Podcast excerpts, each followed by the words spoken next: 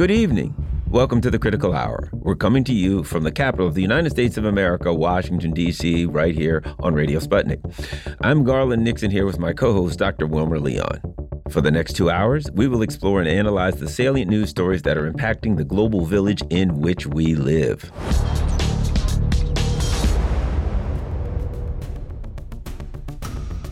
The G7 pledges fresh security guarantees for Kiev as the NATO summit wraps up, and Turkey's release of Azov commanders may spell, spell doom for the Black Sea grain deal. Joining us now to discuss this and more, we have Mark Sleboda. He's a Moscow based international relations security expert. Mark, welcome back to the Critical Hour. Garland, thanks for having me. It's always an honor and a pleasure to be on the Critical Hour. Mark, before we get into the, the meat of this segment, there's a picture going around everywhere. And the picture is from NATO. Uh, the NATO summit. And what you see is all of the, ruling elite leadership class of the um, the of the of the uh, the NATO uh, countries, and they're all you know hugging and shucking and jiving and smooching, and oh, they're all happy. They're all dressed. They've all got on you know the the finest gear, and beside them all alone by himself is President Zelensky of Ukraine. And he's got on green, what looks like some issued khakis, and he's got on some old beat up brogans. The guy, and I mean, his pants are too long, they're wrinkly at the bottom. It is not a good look. Mark, your thoughts on the picture from NATO where this guy looks like he is, shall we say, on an island? Uh, Fantasy Island seems to be the exact island. Your thoughts, Mark? Yeah, I, have seen that picture. In it, um, uh, Zelensky is wearing what looks like a maintenance technician's outfit. Uh, I, I, guess, or it's either that or his little dictatorship outfit. Um, and uh, he's got a uh, there's a a yellow bucket of of some kind of sudsy water in front of him, and he's holding a mop. Oh, what, that you know that might be the photoshopped version of it. that might be the photoshopped version. Yeah, but I, I think it it is a poignant picture. I I think it brings home, however much um, Zelensky is a proxy of uh, the NATO powers, and and however much they might be willing to use him and their people and the Ukrainian people to their geopolitical goals. He is not a member of the club. He is not a Westerner. No matter how many times you may yell and scream, he is not going to be a member of NATO, and and he's not. And he came away from this summit with very little. Uh, it was uh, a whole lot of uh, cluster I, am not thinking of cluster munitions. I'm thinking of another word with cluster that starts perhaps with an F. Um, and um, he walked away with it. The only thing they said is Ukraine will join NATO one day when everyone agrees, indicating that not everyone agrees, and when all the conditions are met. And the conditions uh, are not specified, uh, which which is to say that, that he may have in in that terms may have even walked away with less from the summit than he came with, and I think that those conditions though are actually very clear. They're very easy to spell out. There's three conditions. One the Kiev regime needs to win its war against Russia in Ukraine and kick Russia out of the the south, the Crimea, the Donbass, all of it. I'm thinking you can probably stop right there, Mark. But just okay, as an well, exercise, continue with sure. the other two. Uh, number two is that uh, pigs will fly, and yeah. the third one is that hell will freeze over. yeah, that's when the Kiev regime will bring Ukraine into NATO. And second, the second and third uh, condition are probably considerably more probable than the first one. The first one, that's that. You know, it's a tough, it's a, it's a tough set of conditions. Now, what's up with the um the Turkey letting the Nazis go and the Black Sea grain deal? Yeah, I mean, this was all obviously part of some grand deal behind closed doors that involved uh, Turkey acquiescing to uh, Sweden joining NATO in return, Turkey getting the F 16s, Greece getting the F 35s, um, uh, the Kiev regime getting their neo Nazi commanders from Azov back. You know, everyone gets a little bit of something out of this deal. The U.S. military industrial complex makes out like bandits across the board. Um, and, and and uh, you know that, that that's uh, obviously a part of of this grand deal that was worked out. Uh, Erdogan felt the need uh, to uh, step back. You know, he continually plays the West and Russia off of each other, moving to one side and then the other. He does the same thing with other Middle East powers as well. And uh, now he saw, uh, you know, the prevailing winds of um, interest for him and his family and perhaps his country uh, blowing in a Western direction. He also happened to sign or at least finalize a deal where, whereby a um, Turkish uh, drone company Bayraktar is going to start uh, setting up a target, I mean, a facility uh, to build drones in Western Ukraine. And it just so happens that Erdogan's son in law runs that company. So a little bit is, his, is his son in law's name Hunter? Is his son in law named not, Hunter it, Erdogan? It, it is not. I, it, he is not. But you know what? Is Hunter he missing a bag of cocaine on- somewhere? he just may end up on the board of that company too. You know, it, anything's possible. Hey, uh, Mark, I don't know if you've seen this, but uh, President Biden has announced that Putin already lost the war in Ukraine. He said earlier today there's no possibility of Russian President Putin winning the war in Ukraine while adding he's already lost the conflict. Now, I don't know if he's talking about the War of 1812, the Revolutionary Maybe War, the Crimean War. The don't- yeah, yeah, it could thought. be. But I, I don't know if you saw the memo. I don't know if President Putin got the memo. But if he didn't get the memo, Mark, let him know that President Biden announced in Finland, or at least he's at this joint press conference with the Finnish president, that uh, that Russia lost the war. Yeah, I, I think I saw that. Wasn't but was it in Finland or was he on board an aircraft carrier with a big banner that said mission accomplished? No, no, no, it, no. Uh, It, Mark, it, across- it said God. oh, that was another president. yeah, it said God another- save the Queen. Yeah, statement. Biden's Biden's said- uh, yeah. banner said God, save, the Queen. that was that was George W. Bush. So I'm sorry.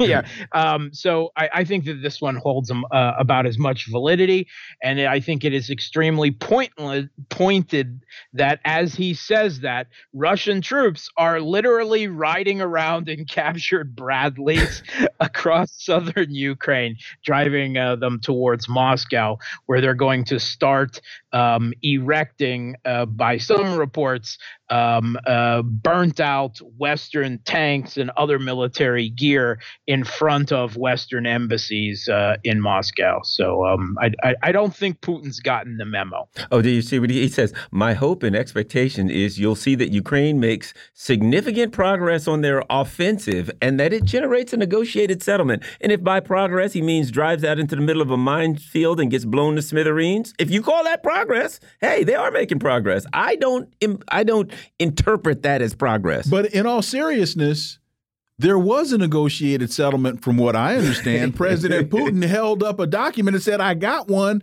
but the United States won't allow Ukraine to sign it. There were also statements, however, where Biden said that Russia should stop invading Russia. Uh, Well, they should, Mark. He realized he didn't have. I mean, he he seems to have gotten Russia and Ukraine confused, unless he's specifically talking about the parts that formerly used to be part of Ukraine that have chosen to get out of Dodge since um, you know the U.S. helped foist a a putsch regime to seize control of that country and turn it into a uh, you know madhouse. I think Russia should stop invading Russia. I, I think that that uh, that makes nothing but but perfect sense. Russia has uh, this is from Sputnik ready to agree to Southeast Asia nuclear free zone if all respect treaty. Russia is ready to agree to the creation of a nuclear free zone in Southeast Asia, provided that all participants comply with the requirements of the treaty. This is according to Russian Foreign Minister Sergei Lavrov. He said that today. Your thoughts, Mark Sleboda. Yeah, he was very specific and a little bit reserved in his comments. And he said, on the condition that all parties to the treaty comply with the requirements not to possess, develop, or host any nuclear weapons elements. All right. Um, so I think what he is getting at there, uh, going down the list of uh, countries uh, of the ASEAN countries, you might notice that the Philippines is on that list, which is a uh, on again, off again U.S. ally against China. Uh, you know, depending on on who the uh, president of the country is at this time. Right now, uh, there is a strong U.S. ally uh, in the Philippines, and not hosting any elements would seem to also uh, include uh, the possibility of U.S. nuclear capable bombers or submarines uh, being hosted uh, in the Philippines. Uh, I, I, think that is probably the reservation that Lavrov was getting at specifically there. Germany's Rheinmetall to open tank factory in Ukraine. Now, what's interesting is say they insist that they'd be able to protect it from any Russian attacks, which is interesting because they haven't been able to protect much of anything else. But I'll put it like this I wouldn't be the first person to accept a job in that uh, factory because I'd feel that very soon I'd be hugging a um, hugging a, a Iskander missile. What are you, What are your thoughts? Are they really going to build a tank factory in Ukraine, knowing that within hours it's going to be a pile of ash? Mark. Yeah, I, I hear that it's going to be placed right next to Erdogan's son-in-law's Bayraktar drone fa- target. I'm uh, sorry, factory. Um, and I, I honestly don't think that within hours of um, uh, them breaking grounds, that Russia will hit it with uh, Kinzhal hypersonic missiles, possibly Iskander ballistic missiles. I think they'll wait until they've sunk a fair chunk of change into mm-hmm, it, right? Mm-hmm. And they're pretty long in the process, and then they'll destroy it. That that would be my guess. But if if they think that Russia is not going to target them, I, I think they're insane.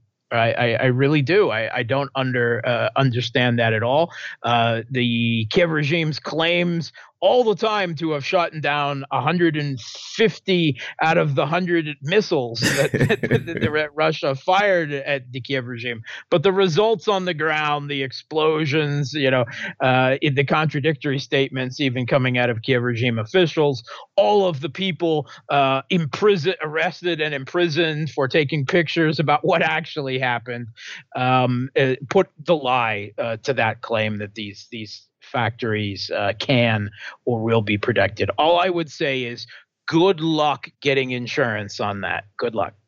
Well, a couple of things. One, I think the morning that of the first tank rolling off the assembly line and all the officials are there to cut the yellow ribbon and and and and and celebrate this tank, that's when the missile comes. So, Garland, don't accept the invitation to that ceremony. Uh, uh, yeah, they, they need to announce there'll be fireworks there. Don't yeah, don't don't don't do that.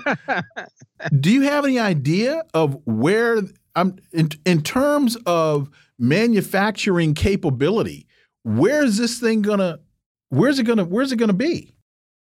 Um, of course, I mean, it would be the farthest away from the front line that they think they can get in western Ukraine, perhaps close uh, to the Polish border, which is interesting because the Poles and the German couldn't even agree on a tank repair facility in Poland, and uh, uh, they this they were arguing about this for a few months. German Leopards are already burning on the steppes of of southern Ukraine, uh, and they haven't even agreed on a location to to repair them in yet. Um, they've been arguing about it for months, and Germany, uh, Poland was trying to scalp so much out of them over it that they just over the uh, repair costs that they just threw up their hands and said, "Fine, we'll fix them in Germany." So now those tanks have got to go all the way across um, uh, not only Ukraine but through Poland as well to get to Germany. And the idea that they're going to build a factory for the same tanks in Ukraine, it's I, I, I wonder if it's more of a, a PR gesture. Yeah, okay. Because yeah, I, okay. I don't believe yeah. that this is real. Mark Sleboda, as always, thank you so much for your time. Greatly, greatly appreciate that analysis, and we look forward to having you back. Thanks for having me. Folks, you're listening to the Critical Hour on Radio Sputnik. I'm Wilmer Leon. I'm joined here by my co host, Garland Nixon. There's more on the other side. Stay tuned.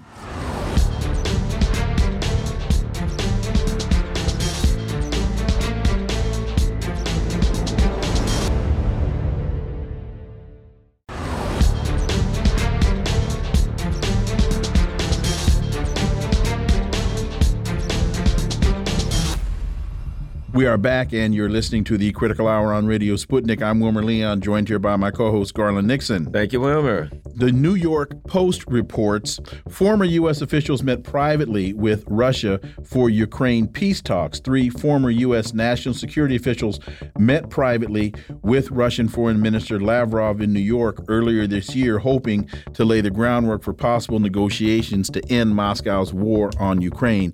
We'll get to that in just a minute. For insight, let's turn to our next guest. He's a professor of political science at the University of Rhode Island, specializing in Ukraine and Russia. Professor Nicolai Petro, as always, welcome back. Nice to be with you. So, before we get to that story, uh, we're now uh, post Vilnius and wanted to get your analysis of what, if anything, transpired. What, if anything, substantive is there to take away from the summit? Yeah, I think the words uh, post mortem really do apply here. There's uh, little left of Ukraine's ambitions to join NATO in the foreseeable future. As a matter of fact, I would say the one most striking thing to take away from this summit is how little has moved, uh, how little Ukraine's um, ambitions have been satisfied since the 2008 Bucharest summit. They're basically at the same position they were. The most important things that uh, came out of this summit, uh, for the United States at least, were uh, the uh, pledge of NATO to become more involved in Asia and opposing China. Uh, secondly, uh, the consensus on the need to increase armaments and uh, sell more weapons uh, to the Balts and the Poles. And uh, third, I think the, the, the, the, the second most notable victor out of this uh, comes after the United States uh, is uh, Turkey. Turkey's President Erdogan, who managed to get concessions on, uh, apparently, from what we hear, uh, F 16s being sold to Turkey. And perhaps some movement in the direction of EU membership for Turkey, which has been held up for half a century and uh, a general uh, improvement in the tenor of uh, European and Turkish relations. But um, all the talk about Ukraine was literally just that talk. The other thing, you know, there was an infamous picture that's gone around that's shown all of the NATO leaders kind of, you know, uh, milling around each other and talking and what have you. And um, President Vladimir Zelensky was kind of by himself, looking kind of sad and forlorn, shall we say. We also yeah. heard that, um, and that went viral. We also heard that um, he pretty much raked all of the leaders over the coals. Uh, he gave them a hard time. He told them, you know, they need to send more stuff and send it quicker. And then we heard pushback that the U.S. delegation was angry. We heard Ben Hodges came out and said, hey, this guy, come on, what do you think we are, Amazon? It seems to me that uh, things aren't all of that, you know, it's not exactly Candyland anymore for the um, weapons transfer. Let me add this. And just before that, Joe Biden had just said we're sending uh, cluster munitions uh, munitions because we're out of everything else. What do we get from that particular interaction going on, or what do you get from it, Professor Petro? Well, photos uh, can be used to convey impressions, uh, and uh, I don't know uh, how much we should really uh, rely on photos to, to tell the story. Um, because we had a famous one of Vladimir Putin sitting uh, at a table once, uh, and it turned out that um, there were other people at the table, but they had been been cropped out this was a moment where you know he wasn't uh, surrounded by people, but there were plenty of opportunities. I'm sure Zelensky had to uh, talk to others. More interesting, I think, because the media, the Western media, in particular, uh, is the commentary, the tone of what is conveyed to them by quote unquote insiders who are sharing their views. And uh, it is striking that at this moment, which was supposed to be a decisive moment for NATO Ukraine unity, the takeaway seems to be Ukraine is dissatisfied and uh, leading Western powers, most notably the United States and Germany, are also dissatisfied with Ukraine's uh, constant demands for greater attention.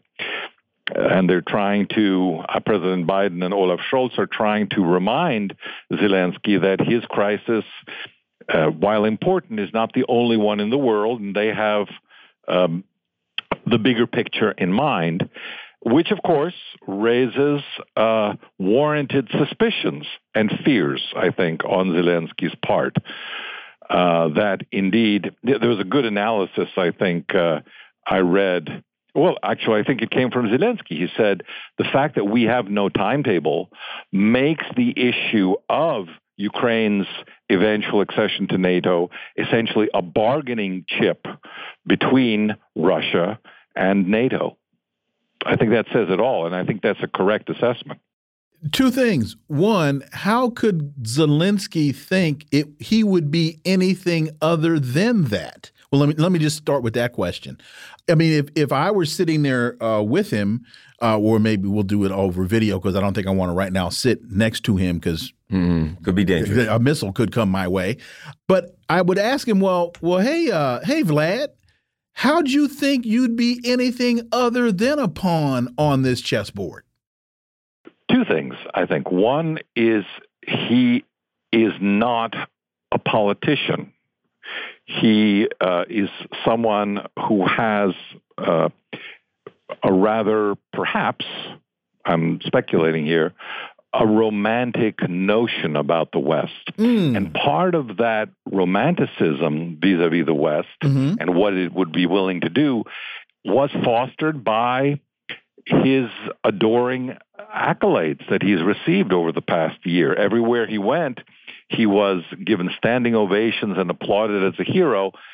How can it be that two months ago he was the hero and salvation of the Western world, featured on all the magazine covers, and today uh, everything that he's been fighting for is no longer the top priority. He doesn't, I think, appreciate that. And who in his entourage? Who in his entourage is going to tell him? Well, I would. Well, I'm not in his entourage, but I would tell him if if he were to say to me what you just did, I'd say, "Well, obviously you won the propaganda war, and you're losing the tactical battle on the field." And I've always uh, felt that what happens on the ground in the on the battlefield will ultimately be more decisive in determining the outcome of this struggle than the propaganda war. Now, a lot of people don't seem to necessarily agree with that. Some analysts actually say the fight is in the virtual arena, but ultimately I think you can't detach the virtual aspect of this struggle from the military outcome. And the military outcome is very much in flux now, but it certainly seems to be turning in Russia's favor slowly. Well, I, I don't know about that because Biden just said Putin already lost the war in Ukraine. In his speech uh, with the Finnish president, he said there's no possibility of Russian President Putin winning the war. He's already lost. Uh, so you know what that makes me think of? You know, I like sports, and when the owner of a team says, "I support the coach 100 percent," the coach has the already coach been fired. fired. Uh, uh also, here's what's, what's interesting. Okay, there's a, there's a number of articles. Former U.S. officials met privately with Russia for Ukraine peace talks. There are some um, articles and things going around implying that there is an element in the U.S. that wants to step down, to climb down from this. Now, the Russians say, well, it isn't all that, that isn't all it was cracked up to be. What is your impression of this particular discussion? Again, very difficult to know because we only have hearsay uh, accounts. But one of the interesting uh, sidebars to to what happened was a phrase uh, attributed to the head of uh, the foreign uh, intelligence services of Russia, Mr. Naryshkin, who met with, uh, I think, uh, or spoke to William Burns, his counterpart at the CIA. And he used a very interesting phrase which says, has a lot of context. He said, um, at one point in June, that um, there was a discussion that he had, a phone conversation with his counterpart uh, in the United States, and, quote, we discussed what to do about Ukraine. Now, to me, that this we is literally they talked about Ukraine as an object, not as uh, allies helping Ukraine uh, with the United States, but literally as well, how do we get beyond this? How do we get, how do we, Russia and America, get beyond this stumbling block? And if that uh, accurately conveys the tone of the discussion, then I think um, we're likely to see more of those kind of leaks and insinuations uh, coming in the future. So, in a nutshell, and I, think you've said this, but I, I, I want to put a pin in it. What what are the takeaways from the two days in Vilnius? That Ukraine uh, got a lot less than it hoped for. That there is a serious disagreement on strategy among NATO members, and um, that uh, there is serious concern that uh, Russia might be turning the tide in its favor, and the, and NATO leaders don't know what to do about that. But if that is the case, then they will have to think about at some point down the road making up with Russia. And, you know, I think uh, also you have to take into account the economics here that for particularly for Europe, um, we're seeing, you know, for instance, the AFD alternative for Germany starting to rise, the, um, the, the, the, the riots in France, the instability. Do you think that also is going to be a significant factor in, shall we say, motivating the European leaders to find a resolution? I don't think it motivates the current leadership but um, it gives them a timeline, a, a time, a deadline by which they need to make certain decisions because the next government could simply abandon the current course. When Joe Biden stands before the world and says, We support Ukraine till the end, we are in it till the end. When you peel that back, what does that mean to you? I think that uh, that is not a realistic uh, statement for a political leader because uh, there is there is always an end to all things. Every uh, initiative comes at a cost, and how many times have we seen in our lifetime these kind of open-ended commitments abandoned years later? So I take it uh, as an unrealistic statement purely for the consumption of the naive. We've got about 30 seconds left. Does this mean we're looking at another uh, Afghanistan? Are we in this for two trillion dollars and, and and 25 years? Will Zelensky be dangling from the fuselage of a C-130?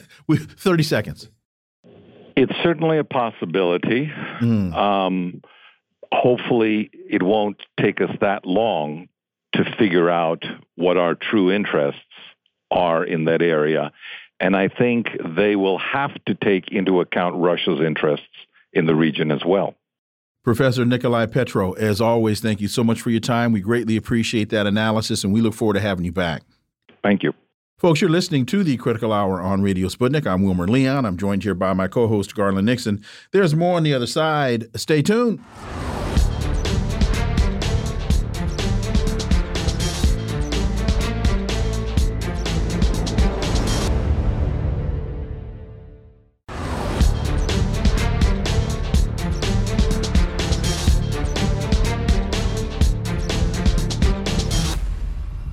We are back, and you're listening to the Critical Hour on Radio Sputnik. I'm Wilmer Leon, joined here by my co host, Garland Nixon. Thank you, Wilmer. Caitlin Johnstone writes Biden lies about, quote, not surrounding, end quote, China. The U.S. president isn't trying to fool the Chinese government about the military buildup in the Pacific. His comments are aimed at the Western public and U.S. allies. For further insight into this, let's turn to our next guest. He's a peace activist, writer, and teacher. KJ Noh. As always, KJ, welcome back.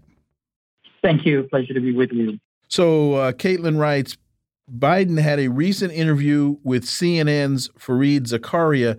About halfway through the interview, Biden said something about China that's worth flagging because the claim he makes is self evidently false and it's not the first time he's made it describing the conversation he's been having with President uh, Xi Jinping, Biden said the following quote, "We're not going to put together the Quad, which is India, Australia, the US and Japan. I got a call from him, Xi, on that. He said, "Why are you doing that?" I said, we're not doing that to surround you. We're doing that to maintain stability in the Indian Ocean and in the South China Sea because we believe the rules of the road about what constitutes international airspace, international space, and the water should be maintained. She continues Biden is lying. The U.S. is deliberately surrounding China with war machinery and has been for years and has rapidly escalated its efforts to do so during Biden's term. There are currently no fewer than 313 U.S. military bases in East Asia by the Pentagon's own admission, with the Biden administration adding four new ones in the Philippines. Is it possible? Is it plausible, KJ, that Biden isn't telling us the truth? well, uh, I mean, let's just apply our own common sense to this. You surround China with over 330 bases. You create a wall of missiles right at the center of this encirclement, which is Taiwan province. You pack it full of missiles. You make sure that you essentially take over its military the way that the U.S. has done with Ukraine. Uh, you train its military. You do interoperability trainings with South Korea and Japan. You pack uh, the Philippines uh, full of, uh, you know, logistical stations, and all throughout the Pacific, you sow bases, weapons, offensive platforms like Dragon's Teeth. Is that purely defensive? Well, I think you be the judge. Well, additionally, and uh, I like what she says, the single dumbest thing that the U.S. empire asks us to believe nowadays is that surrounding its two biggest foes with war machinery is a defensive action rather than act of, of extreme aggression. All you have to do is look at Russia. The U.S. has been building bases around Russia, has been coming closer and closer to Russia. They go overthrow the government of Ukraine, packs Ukraine full of weapons, and says, oh, no, no, no, we're just doing this to protect um, and cre create peace and stability in the uh, in in the European theater and look at the results of their actions in Ukraine.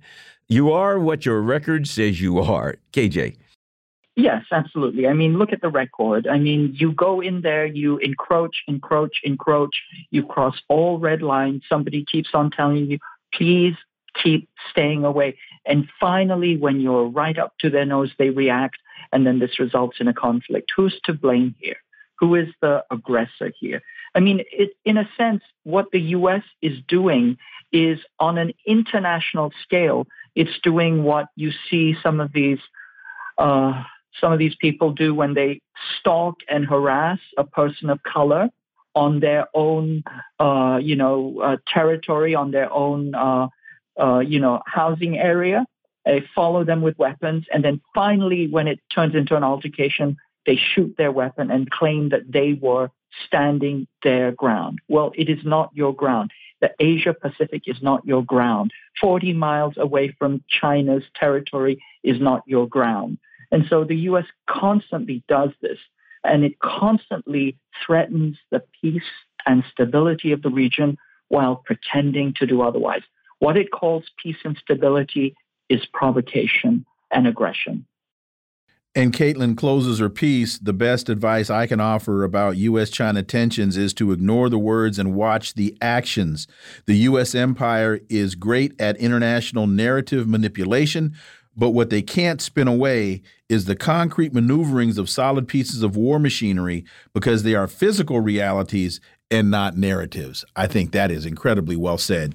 KJ, Noh.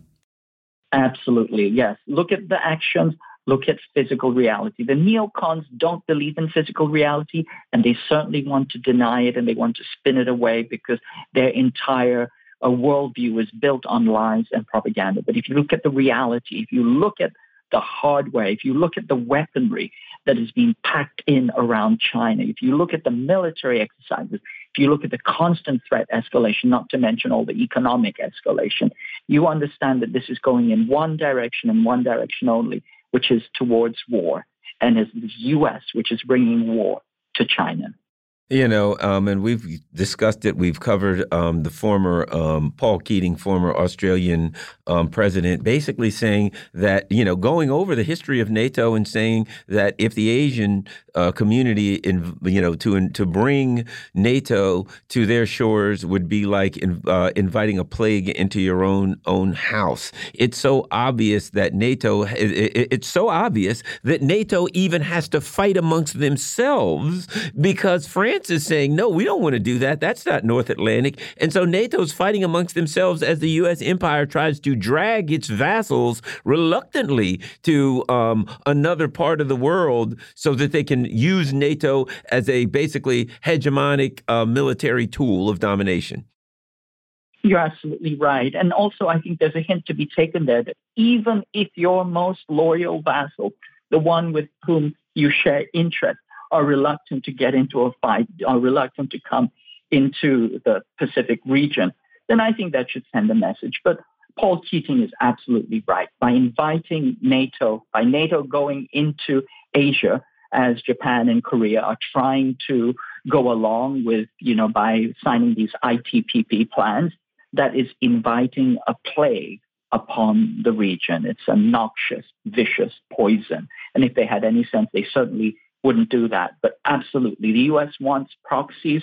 It wants to use NATO as the force multiplier for its uh, kinetic uh, uh, war against China. And it's an absolute act of madness. And Global Times has the piece regional firewall needed in face of gangster like NATO's Asia Pacific expansion. On Tuesday, NATO issued the Vilnius Summit communique claiming that China's, quote, ambitions and coercive policies challenge our interest, security, and values, end quote, and that China posed systemic challenges to the bloc. The South China Morning Post called the joint statement the sternest rebuke to date. Your thoughts on this? Because if you take this to at face value, that China's ambitions are challenging NATO's interests, security, and values, that's true. But you then have to look at how is China doing that and why is good business relationships a threat? Why are good business relationships a threat? Why are peaceful and why is detente a threat? Why is debt forgiveness a threat? KJ, Noh. Yes, exactly. Why is peace a threat? Why is growth a threat? Why is mutual win win relationships a threat? The only way to understand that is if you understand NATO interests as being imperial domination and imperial war. That's what it is. It is the arm of the US empire that wages imperial war aggressive, criminal imperial war. How does it uh, affect NATO's security? Well, NATO's security and values, those are the values of criminality, of illegal war. Uh, and its security is threatened because it sees, or the or primarily the U.S. sees itself as being at the apex. It's the apex predator at the top of a pyramid scheme where it extracts value from the rest of the global south. And to the extent that China allows the global south a way to escape from this predatory relationship and to relate to, uh, you know, the, the European colonial powers as equals, that undermines its sense of uh, global control and hegemony. And that is what it sees as a threat. So fundamentally, you have to flip the question uh, on its head. Essentially, peace, growth are seen as uh, a, a, threat to this uh, predatory, aggressive criminal organization. If we understand it in those terms, then we understand, uh, you know, where our values and our uh, our support should lie. And just to to wrap that point up, when I'm having these conversations with folks and they want to talk about China and they're, and they're parroting the talking points that they get from MSNBC, CIA, and, and the other outlets, I asked them, when was the last time China invaded anybody? And then ask yourself, when was the last time the United States invaded somebody? And what I usually get are just blank stares, kind of the um, RCA Victor dog, uh, kind of turning its head, listening, listening to the to the speaker. They they they can't process that. KJ. Absolutely. There's no place in their brain or in their world to understand that they are, that the NATO, that the US, that the Imperial West are the baddies. They are the bad ones. And for them, it just, they just can't accept that. And I think uh, ultimately this is the core blindness uh, at the root of empire. It's, it's hubris, but also it's blindness and incapability to reflect and see itself in the bloodied mirror.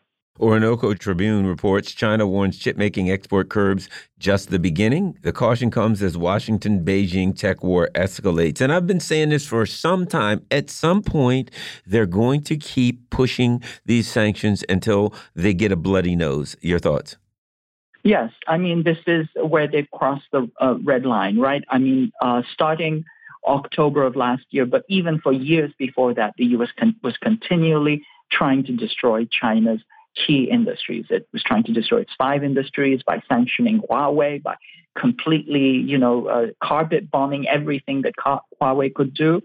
And then last year in October, they uh, declared these chip sanctions, which the Center for Strategic and International Studies described as a four-point chokehold that will strangle with intent to kill China, that it was designed to kill and destroy China's development. That China kept on, you know, asking, please step back, please don't continue any further.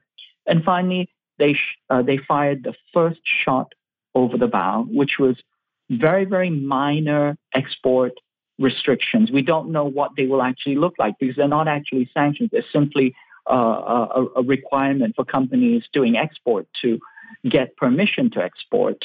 But this is in gallium and silicon. As I said, this is the lowest of the lowest hanging fruit. it um, gallium and silicon are not rare materials. Um, many countries could process them if they needed to, but they are essential in certain segments of the semiconductor industry, primarily in substrates uh, and in doping, and they're applicable in optoelectronics, LEDs, power components, space electronics, and even autonomous vehicles. So China is sending a message. You know, you sanction us and you try to choke us to death. Well, we can peel off the fingers that are choking us, and uh, eventually we can up, increase the pressure. And this is just the first step. And I think uh, the West is starting to sit up and take notice. Gallium and germanium by themselves are not uh, deal breakers, they're not uh, fatal. But what we do know is that the entire row of 17 rare earth metals uh, could be sanctioned, as well as certain elements, certain uh, columns of the 13th and 14th row of the periodic table. KJ Noh, as always, thank you so much for your time. Greatly, greatly appreciate that analysis, and we look forward to having you back. Thank you. Always a pleasure. Folks, you're listening to the Critical Hour on Radio Sputnik. I'm Wilmer Leon. I'm joined here by my co host, Garland Nixon. There's more on the other side. Stay tuned.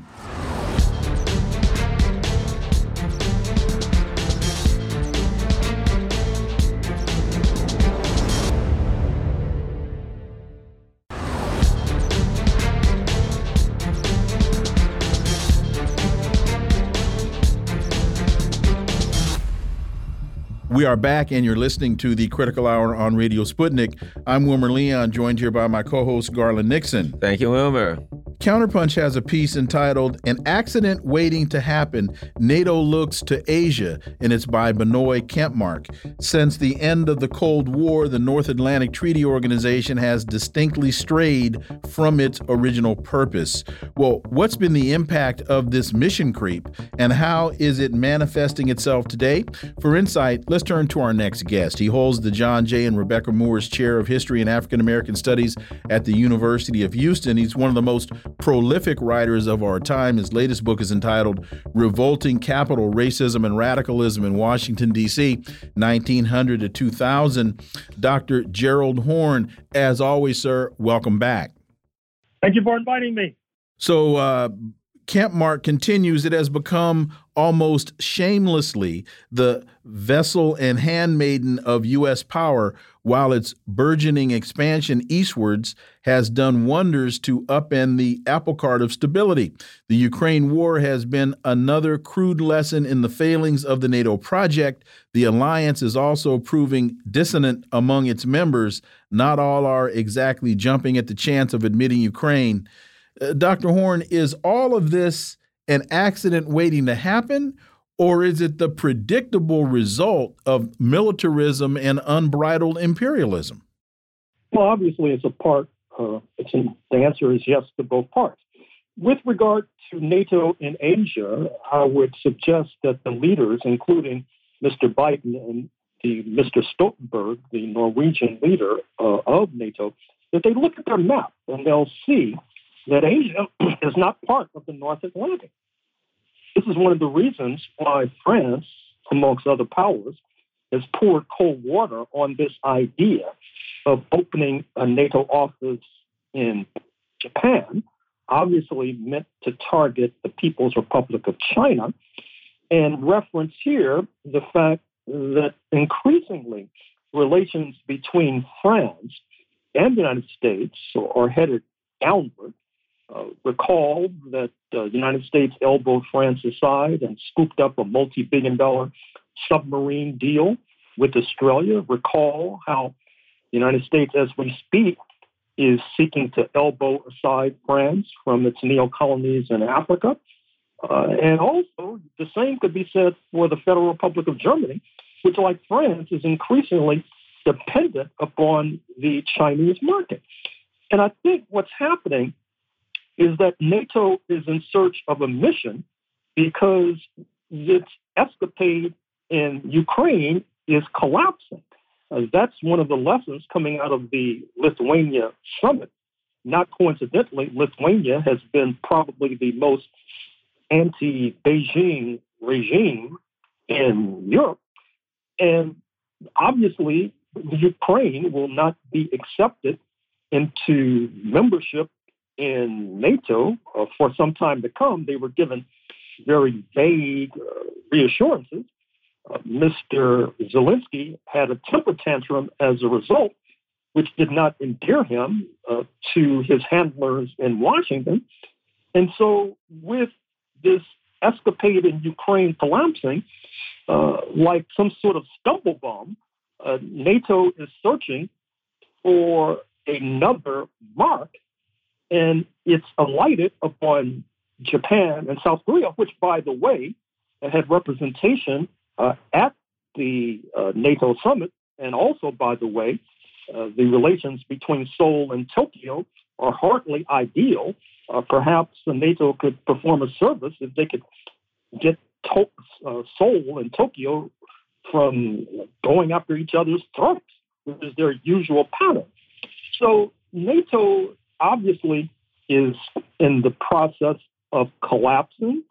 Uh, we should not uh, pop the corks in the champagne bottles yet because we know that imperialism will not go down without a fight and that sometimes they're most dangerous when they're cornered post NATO um, summit, you, you, I'm sure you know you've seen the pictures that have gone around, and there's an infamous one of the NATO um, uh, leaders all you know joyously celebrating together, and they're hugging and they're talking, and off to the side is Vladimir Zelensky looking rather lonely and forlorn in a green apparently issued olive drab outfit and some uh, uh, military brogans on his feet.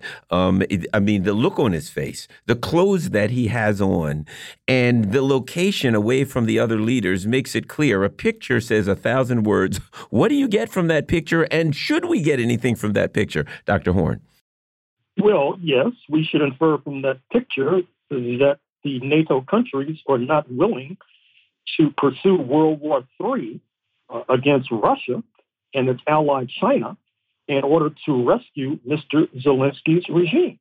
Uh, he is in the process of being tossed aside like a soiled tissue because I dare say that uh, with these apparent subterranean negotiations taking place between the major powers to settle the Ukraine conflict, uh, Mr. Zelensky's time in office uh, is short indeed. And it reminds me, I'm afraid to say, if I can digress, about what's happening to the Black American leadership in the United States, which also fought battles against the antagonists of the U.S. ruling elite. Um, speaking of how the NAACP, which will be meeting soon in Boston, in 1950 in Boston, uh, tossed aside uh, left wing members, including going after Paul Robeson, the great actor and activist, with a vengeance. Uh, many NAACP leaders uh, supported the war in Vietnam. Many others have been eerily quiescent as U.S. imperialism fought other battles. But now the U.S. Supreme Court says that anti racist measures like affirmative action are unconstitutional. So those leaders, too, may have to walk the plank like Mr. Zelensky. Counterpunch has a piece, Burning the Quran and the Counteroffensive Why the West is Panicking. It's by Ramzy Baroud. Desecrating, then burning the Holy Quran in Sweden has once again raised a political storm of condemnation, but also of justification, if not outright approval. Such acts are projected by law. I'm sorry, protected by law. Top Swedish and EU officials have declared. I, I put this in the in the context also of President Raisi making a trip to Kenya, to Uganda, and to Zimbabwe. Am I wrong to kind of uh, put these two together? You are on the money, per usual. This is a very important trip for both sides, not least Zimbabwe, which has been under punishing sanctions from the North Atlantic countries for having the gumption to try to roll back the fruits of settler colonialism by reclaiming land from invading European settlers, many of whom, by the way, only arrived post 1945. And even before this trip to Zimbabwe, uh, Iran had been investing heavily uh, in uh, that southern African nation, uh, up to and including manufacturing plants. Now, with regard to burning of the Quran, I think that Mr. Erdogan, the leader in Turkey, is going to come under understandable pressure for bowing to NATO and apparently acquiescing to Sweden, where the Quran was burnt uh, under the protection of the authorities, acquiescing to Sweden joining NATO. I know that Mr. Erdogan is under a number, a lot of pressure. I know that the North Atlantic powers are not satisfied with his uh, producing drones for Ukraine to use against Russia. I know that he's been promised uh, F 35 jets from the U.S. military industrial complex, but I think that he will come to find, as Europe will come to find, that this was a deal that may benefit the merchants and thieves in Washington and the military industrial complex, but will not be a boon nor a benefit to Turkey nor the European Union, which is now slated for more conflict. Patrick Lawrence has another great article in Consortium News. A Yellen in the China shop. Janet Yellen did an excellent job during her just completed four day visit to Beijing. We're now able to read in the corporate press. The Treasury Secretary managed not to break any more China in the China shop. Your thoughts on the, the results of the Janet Yellen trip? Well, as we said before, she had a difficult brief to argue. On the one hand, you have the harebrained hawks back in Washington clamoring for war against China within the next 12 to 18 months because they see the United States losing its hegemony, losing its throne as the sole remaining superpower, so called. But at the same time, Washington still needs the People's Bank in China to buy treasury bills to keep the U.S. government afloat, and so that these hawks in the Pentagon can continue to have a salary as they threaten China. Uh, that's obviously an unsustainable proposition, an unsustainable brief. I'm surprised uh, Janet Yellen was able to escape back to Washington uh, with her shredded reputation barely intact.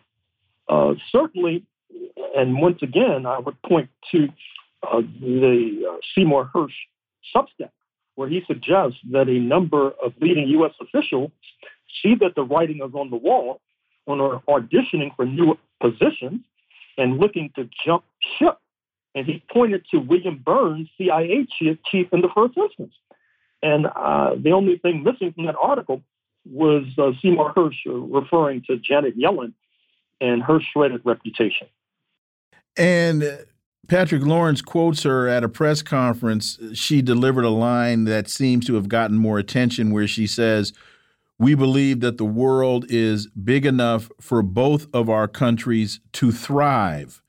And I find that interesting because the undertone to that is to thrive as competitors when there have just been number of times when the United States has invited the United States to participate in a number of the techno technological experiments and advancements that China has has developed. I, the one thing that comes to mind is is 5G technology. So your thoughts there, and and I I I can only assume that that comment fell upon deaf ears. Well, interestingly enough, uh, she cribbed that comment from President Xi himself. And that was her rather feeble attempt to ingratiate herself with the Chinese leadership. Uh, she went out so far as to pour cold water on Washington's idea of decoupling from China. Uh, she also did a moonwalk away from the European Union's idea of de risking her preferred D word is diversity in, in, terms of U.S. relations with various powers. But I think the D word staring U.S. imperialism in the face is defeat. And that is a very bitter pill to swallow for the hawks in Washington. Interesting RT story. The NATO seeking global global domination. Moscow, the U.S.-led military bloc, wants global he hegemony. I think it's important because it comes from the Russian foreign ministry, which makes it, um, you know, official. But I think also because uh, recently um, they've been running some in TASS and some of the other um, uh, uh, uh, Russian outlets. They've been running things from China, where China is saying Russia and China are greater than a military alliance, which kind of implies a military alliance plus. Your thoughts? We got 30 seconds. Well, it seems that the Kremlin has just announced that President Putin will be visiting China once again in October. This is after President Putin and President Xi, I'm sure, will meet in South Africa in a few weeks at the BRICS summit. Uh, despite all of these stories in the corporate media suggesting that there's a rift between Russia and China, I think that's more or less wishful thinking. And I wish that the corporate media would pay more attention to reality more so than their demented wishes. Dr. Gerald Horne, as always, thank you so much for your time. Greatly, greatly appreciate that analysis, and we look forward to having you back. Thank you. Folks, you're listening to the Critical Hour here on Radio Sputnik. I'm Wilmer Leon, and I'm joined here by my co host, Garland Nixon. There's another hour on the other side. Stay tuned.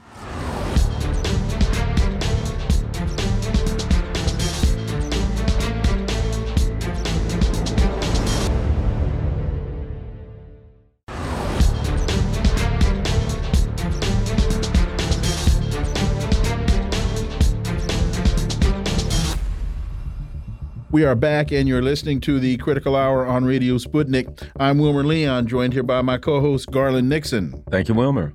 On the 17th anniversary of the July 2006 war, the Hezbollah Secretary General says this victory laid the groundwork for a deterrence equation that still exists to this very day. What are the key takeaways from his speech? Well, for insight, let's turn to our next guest. He's an award winning broadcaster and journalist based in Beirut, Lebanon, Laith Marouf. As always, Laith, welcome back. Thank you for having me. So, during a speech on the 17th anniversary of the start of the 2006 Israeli war on Lebanon, uh, Syed Nasrallah indicated that the war was aimed at crushing the resistance and subjugating Lebanon, adding that the Israelis and the Americans both admitted the failure of their war on more than, uh, than a level. And the resistance leader stressed that the July 2006 victory laid the groundwork for a deterrence equation that still exists to this very day and led to the erosion of Israeli deterrence. Uh, Laith, what are the takeaways from this speech?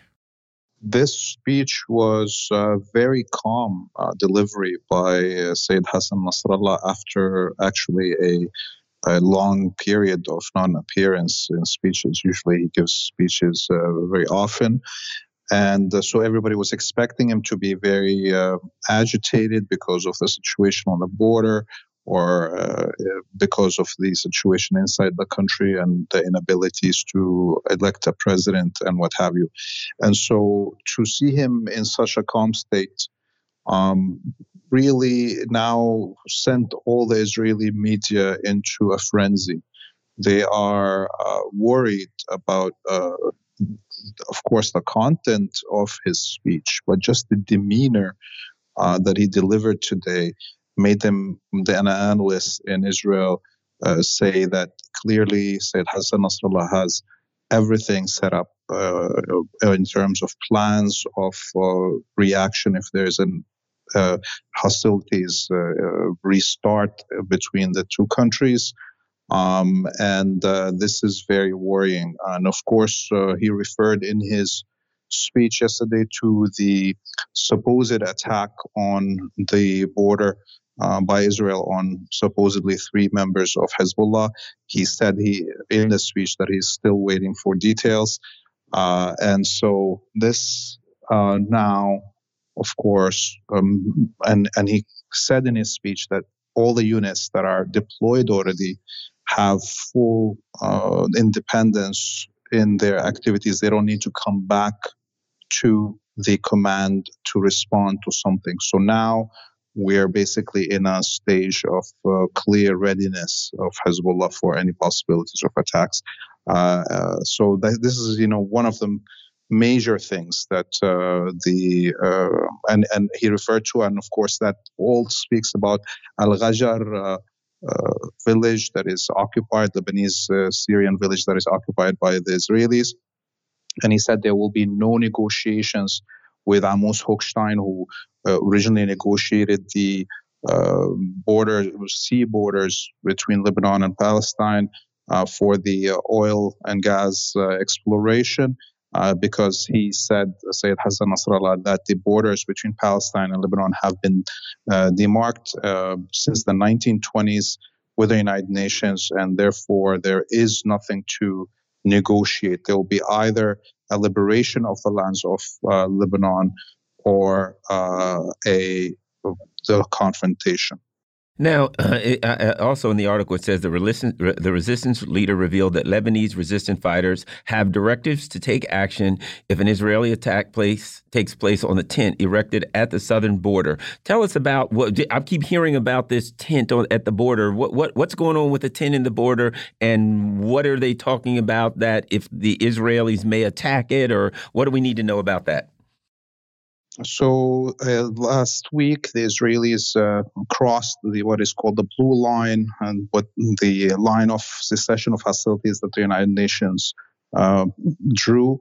This is not the border between the two countries. This includes parts that Israel still occupies of Lebanon, and that includes the Shaba farms, um, and the Ghajar uh, village and uh, a few other villages in the what is the panhandle of Palestine right now. Um, so uh, the location we're talking about is around Shaba Farms.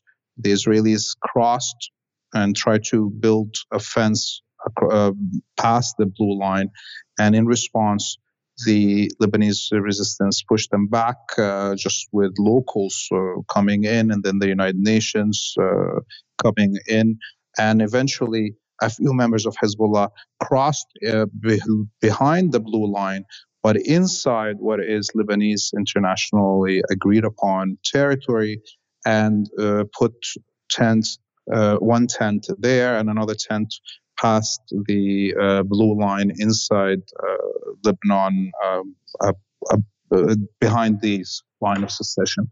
The Israelis have been threatening and sending messages at the same time to Hezbollah that they do not want to uh, raise tensions. But it's clear that uh, from the speech of Hassan Nasrallah that the only possible way to liberate this land is through confrontation. And the Israelis have a choice. The resistance is ready to keep on pushing the line, and the Israelis have the choice of either withdrawing from occupied Lebanese territory or triggering a war. Mondoweiss has a piece the Jenin operation didn't end. Phase two has already begun. Uh, the Israeli army's bulldozers and airstrikes not only leveled Jenin refugee camp, but paved the way for the Palestine Authority to return to the camp and reassert its influence.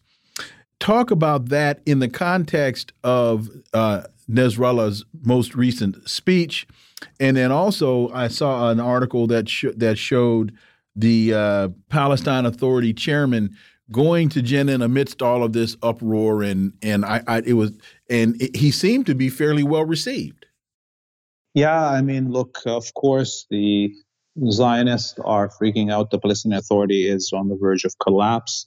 Much of the West Bank uh, towns and refugee camps uh, refuse the presence of the Palestinian Authority, as we saw with Jenin um, during the and after the massacre, uh, the expulsion of the Palestinian Authority personnel from the funerals and what have you. So uh, the Israelis now, of course, have an interest to prop up Abbas and to, uh, uh, you know, bring back the military forces that he controls that are uh, collaborating with the Zionist regime. Uh, he brought with him thousands of uniformed officers as well as thousands of uh, un, you know, uh, plainclothes members of the Palestinian Authority that were all paid to come in and perform this theatrical presentation that he has some support. And uh, this uh, comes at the same time as Abbas is trying to force the other uh, Palestinian uh, groups, uh, Hamas and Islamic Jihad and others, into a meeting. It is in the interest of Abbas and Israel to try and, um, you know, bring the Islamic Jihad and Hamas into a unity talks that are useless as usual. And uh, of course, the population is resisting this. Uh, it's not going to work for the Israelis, even if there's a second plan, as we see, and everybody knows it's a second plan to revive the PA. It's not going to work. It's too late. So, what happens now? Do you think there will be another organization that will replace the Palestinian uh, Authority? I mean, what's the future for the Palestinian Authority or for the people who it ostensibly was supposed to represent as far as any type of a political group or organization or representation? Well, I think uh, what's happening in Palestine right now is uh, kind of following the same path of what happened in Lebanon. Uh, the Palestinian Authority is the collaborating body, and the Palestinian Liberation Organization, which is the actual recognized legal representatives of the Palestinians, has been taken hostage by Fatah. And much of the Palestinian parties and movements are not in, allowed in the Palestinian uh, Liberation Organization. And the Palestinian Authority has no elections since Abbas clearly was going to lose an election uh, more than a decade ago. And so uh, the way forward is the same way in Lebanon. When you recognize that these uh, overall uh, umbrella structures will not work for you, and uh, as a as a liberation movement, and, uh, and the effort to uh, reform them and so forth actually takes more than the effort of liberation. You just ignore that and you do the resistance work, and that's what happened with Hezbollah in Lebanon. There's no way to save the state of Lebanon or um, fix all the corruption in it and kick out all the collaborators and fight the Americans over every detail in the Lebanese structures. As long as you can concentrate yourself on the resistance, uh, it's just not necessary. And that's what's the way forward for Palestinian resistance is to just ignore the Palestinian Authority, ignore the Palestinian Liberation Organization, and go forward and resist until uh, liberation happens, and then we can deal with those issues. Switching gears a bit, Iran's Raisi begins Africa trip, signs agreements with Kenya. Uh, he has received a red carpet welcome from Kenyan counterpart uh, William Ruto as he began a three country tour of Africa yesterday that Tehran has touted as a new beginning in relations with the continent. He'll also go to uh, Uganda and Zimbabwe. And this sounds as though Iran is uh, developing a rapprochement with countries on the continent the very same way that, that China has and continues to do, and the very same way that Russia has and continues to do. Yeah, look, the whole coast, uh, east coast of Africa, uh, from Somalia down to Zimbabwe, had a historical relationship with the Arabic world and Iran. You know, the trade uh, that was going back and forth across the Arabian Sea and the uh, Indian Ocean. Um, this this was the extent of that trade and the basic uh, nodes of uh, trading, where you know Persia, Iraq, Yemen, Somalia, Kenya, so forth. And now, after a hundred years or so of uh, colonial machinations that stopped all the local regional trade and uh, connection between these peoples and intermarriages and travel and, and immigration. This is crucial to revive all of these things if we need to create a new multipolar world that doesn't uh, require white, uh, you know, in between uh, nations in Asia and Africa. And uh, I also think um, this is part of the move for countries to do business with each other um, so that they get away from doing business with the West so that the West can't sanction them and, and, and cut them off. This is part of a move of a, a, a new world economic order. Laith. And, and doing business off the dollar. Yes, Laith. Yes, of course. So using local currencies, we've heard, especially the Kenyan president, speak about this so many times over the last few months. And Zimbabwe, we already know Zimbabwe is ready to do anything that's suffered for a long time under apartheid and uh, colonial uh, sanctions. Uh, so yes, this is a revival of uh, trade between the regional countries of the uh, Indian Ocean and Iran is taking a lead because you know uh, the other countries will be following for sure as and and the trick right now forward for all of this uh, reintegration of the Indian Ocean uh, trade is to uh, end the hostilities in Somalia and Yemen, and those require, of course, a confrontation with America and its local, uh, you know, minions. Laith Marouf, as always, thank you so much for your time. Greatly, greatly appreciate that analysis, and we look forward to having you back. You have a great evening. You too. Thank you. Folks, you're listening to the Critical Hour on Radio Sputnik. I'm Wilmer Leon. I'm joined here by my co host, Garland Nixon. There's more on the other side. Stay tuned.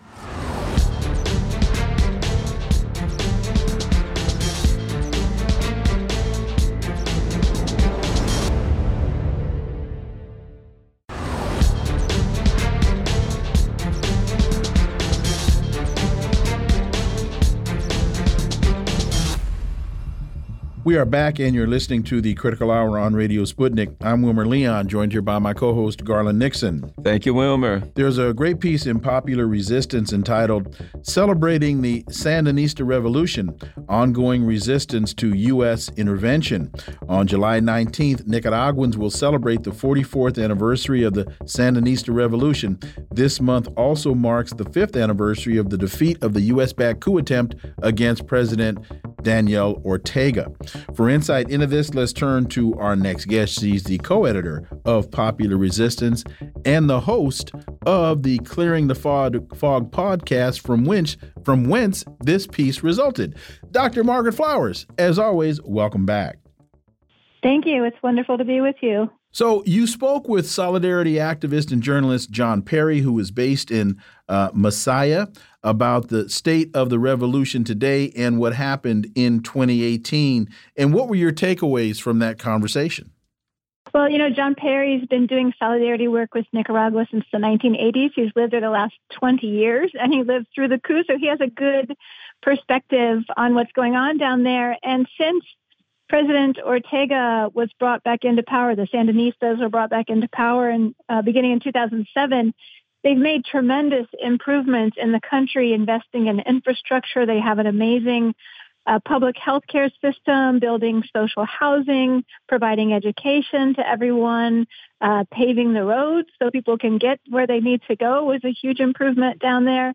So they really have been able to put into practice, uh, you know, many of the aspects that were part of the Sandinista platform, and you know, create an economy that lifts people up and works for everyone, which is why the U.S. is targeting Nicaragua, and uh, why the attempted coup, which was very violent in 2018, it was a U.S.-backed coup for months, held the country uh, under, you know, this kind of lockdown situation, and uh, and the country's back, you know, bouncing back from that. It's strengthened the Sandinista revolution, and that's why we'll see lots of people out uh, celebrating that this weekend and next week. What do you think the importance of Nicaragua, Nicaragua is in the? Um, if you remember, John Barry, John uh, Bolton referred to them as like the triumvirate of evil or something in South America. It was like Nicaragua, Venezuela, Cuba. But these are the countries that have been able to stand up for a long time. And in, in Nicaragua's case, they actually fought against the U.S. empire and were able to win their freedom. But what are the importance of these countries that have stood up for so long against U.S. imperialism and have suffered so so mightily under these? Uh, these these, these uh, draconian sanctions? I think they're incredibly important. I think what the term that he used was the troika of tyranny for Venezuela, Cuba, and Nicaragua, countries that have resisted U.S. imperialism and built economies for the people and to protect the planet, you know, socialist style um, economies. And they have so much to teach us. When I was in Nicaragua meeting with uh, social movement leaders down there and learning the history of the country, they take their organizing very seriously. Uh, there's a lot of lessons that we could learn from how the Nicaraguans succeeded and how they've continued to defend that victory. You'd mentioned the Sandinistas, and Joe Biden has just nominated, um, what's the guy's name? Elliot. Oh, Abrams. Elliot Abrams. Yes. Elliot. So, so it, it, talk about the relevance because you've just ticked off a number of very important successes that Nicaragua has been able to employ. And in spite of the machinations of the likes of Elliot Abrams and his ilk. So, talk about what message does this send for Joe Biden to appoint Elliot Abrams basically to be, a, I guess, the leader of propaganda uh, for this so called di diplomacy uh, council that uh, that Biden wants him to sit on? Yeah, it, it you know it just shows that Washington is failing to understand the changing global situation. That it's doubling down on what it's been doing for a long time. That this is bipartisan. Elliot Abrams has served under Republican and Democratic uh, administrations. He was you know responsible in the 1980s for covering over much of the violence that the U.S. committed in, in Latin America. He was admitted lying to Congress over the Iran Contra uh, deal, and uh, and then was pardoned by President Bush uh, for doing that. He's a long history of being responsible for either instigating violence against people in other countries or you know providing cover for what was happening and and so this just tells the world that you know the US is not serious about diplomacy about becoming a cooperative partner in, in the changing multipolar world it's going to continue to try to dominate other countries manipulate them for the interests of the United States um, the other thing is um, that I think is of, of, of, interest and consequences. Donald Trump brought first bat, bought bought um, back, brought back Elliot Abrams. And I do remember, um, I believe her name was Ilhan Omar. There was a famous video where, you know, she raked him over the coals in Congress. And it was great. I looked at it and I thought, man, she, you know, did a really good job. She really gave him what for, why not, and, and don't do it again. But now Joe Biden, as we once again see the mm -hmm. continuance of U.S. imperialism from president to president, Joe Biden brings back the same ghoul. And we haven't heard from the left flank, if there is such a thing in the Democratic Party this time in the same way that they went after Donald Trump. What do we learn from that, Margaret Flowers? I mean, and that's how it always is, right? When the Republicans are doing it, it's a great opportunity for the Democrats to, to you know, chastise them and say, you know, try to make themselves look different. But when the Democrats are in control, and we've seen this for a long time on a number of issues, the Democrats in Congress always cave in to what the leadership in the White House wants. We saw that under President Obama. And that's why, you know, that's why the Democrats are losing support. They're losing, you know, legitimacy. It's why we are ending up with, you know, we ended up with someone like a Donald Trump because people thought, oh, well, maybe this will be something different.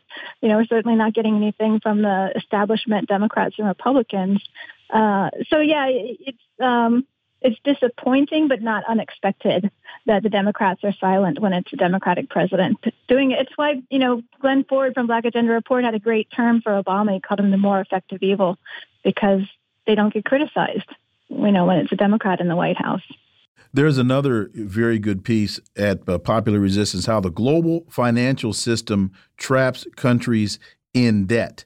Uh, uh, talk about that, particularly as uh, the Western media keeps trying to chastise China and chastise Russia for their involvements uh, in on the African continent. And what seems to be interestingly omitted from their chastising is the fact that both Russia and China uh, have have been relieving countries of debt, unlike the United States and the and the global global financial system. Right, right. I mean, this is forgiving, forgiving debt. That's right, that's the yeah. word. I and they keep using this term, debt trap. Exactly, is get a debt trap when they're actually forgiving debt. Well, not only that, when you know a country like China uh, loans to another country, they don't dictate the policies. You know, the U.S. always uses the money as a way to control what countries are doing to open them up to private businesses, to defund their public systems. There's requirements you know, that they pull investments in things like healthcare and education uh, to pay off that debt, or that they allow foreign corporations in to extract and steal their resources. And it's not it's Africa, it's also Latin America, but Russia and China have played very important roles in supporting the countries that are targeted by the United States through the economic measures or sanctions that prevent them from being able to buy food and medications and and to sell their you know resources abroad China and Russia have come in to assist them in the matter. I mean, Russia provided uh, military support to Venezuela when President Trump, under Elliot Abrams, the envoy, special envoy to Venezuela, they were threatening military intervention in the country. And I think Russia played a big role in preventing that from, from happening. So, you know, the, what I like about that piece, which initially came from Geopolitical Economy, Ben Norton's uh, website, is the way they talked about finance being used as the new form of colonization of, uh, like I said, dominating a country, putting it into debt, forcing it to make changes, and uh, and countries, you know, they're getting savvy. They're starting to have alternatives to the to the IMF and the World Bank through the New Development Bank. Uh, and through you know making investments with with Russia and China, so uh, I think that you know this is not going to be able to continue the way that it was. The U.S. is going to not have that hammer to use as effectively as, it has before, but it continues to be a pretty significant hammer that causes a lot of suffering around the world, and that's why they're calling for. You know, they're basically saying these are bad loans. They were not done in good faith, and they should be canceled. And there's a certain amount of um, there's an imperialism there. There's a certain amount of white supremacy there for this reason.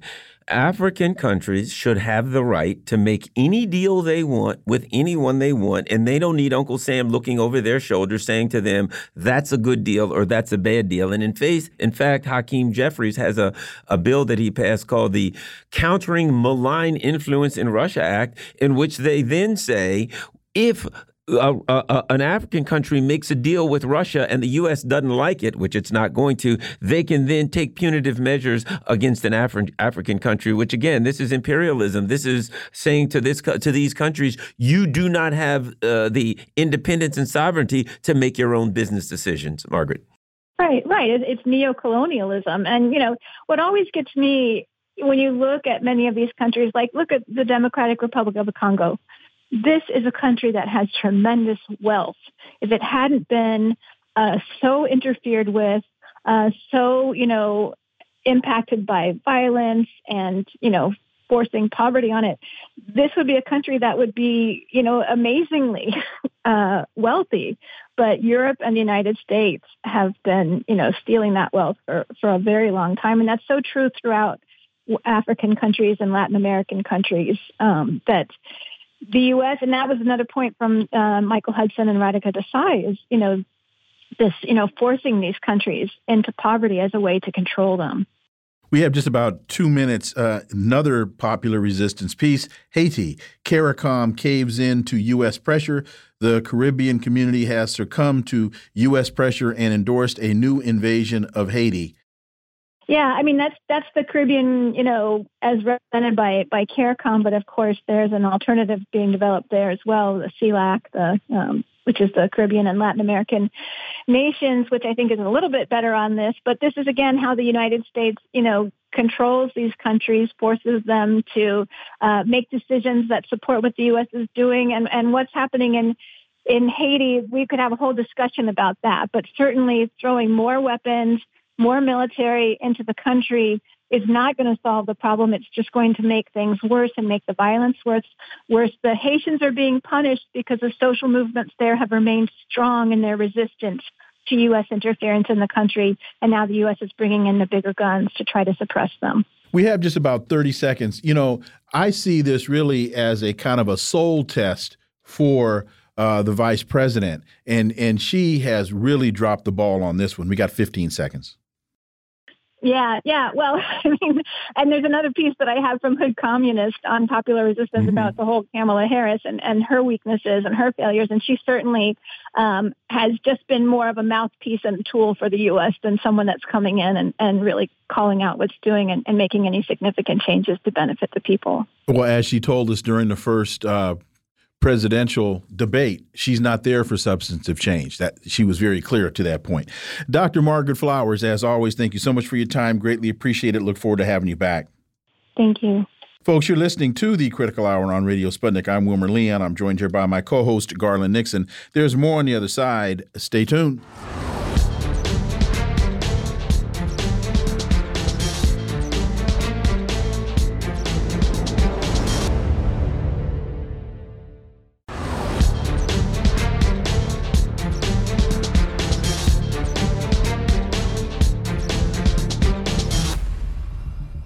We are back, and you're listening to the Critical Hour on Radio Sputnik. I'm Wilmer Leon, joined here by my co host, Garland Nixon. Thank you, Wilmer. Matt Taibbi writes, Where have all the liberals gone? Yesterday, a House committee, Republican led, but still, released a series of documents showing, without a doubt, that the FBI has been forwarding thousands of content moderation requests to Facebook, Instagram, Twitter, and YouTube on behalf of the SBU, Ukraine's security agency. For insight into this, let's turn to our next guest. He's the organi national organizer for Action for for Assange, Steve Poikonen. As always, Steve, welcome back. Great to be back, gentlemen. Thank you. So Taibbi continues the documents not only contain incontrovertible evidence that our own FBI pressures tech companies to censor material, but that the Bureau is outsourcing such work to a foreign government, in this case, Ukraine. This passage below, for instance, reads The SBU requested for your review and, if appropriate, deletion, suspension of these accounts. Steve Poikonen, talk about internationalization. Uh, Steve Poikonen, your thoughts? I mean, don't don't we don't we always yearn for more cooperation among our, our foreign allies and partners? Isn't it? Look, it's not Taibbi asked where the liberals went. They apparently went to work for the very agencies, media outlets, and, and then complain and outrage factories that result in his house getting visited by the IRS while he's giving testimony over the Twitter file. Uh, Matt Taibbi enjoyed uh, a pretty rock star career doing what what wasn't necessarily, but at least could be spun as kind of lefty journalism, especially when he was exposing uh, the the global financial elite. Uh, there's there's a line though that you apparently cross and, and that's going against a Democrat or going against the war machine when a Democrat is in office. Taibbi did that. He's certainly paying the price for aligning with figures like Elon Musk, who give millions of dollars to Democratic candidates, yet are painted as right wingers. If again they go against the the prevailing narrative, the sitting Democrat in the White House.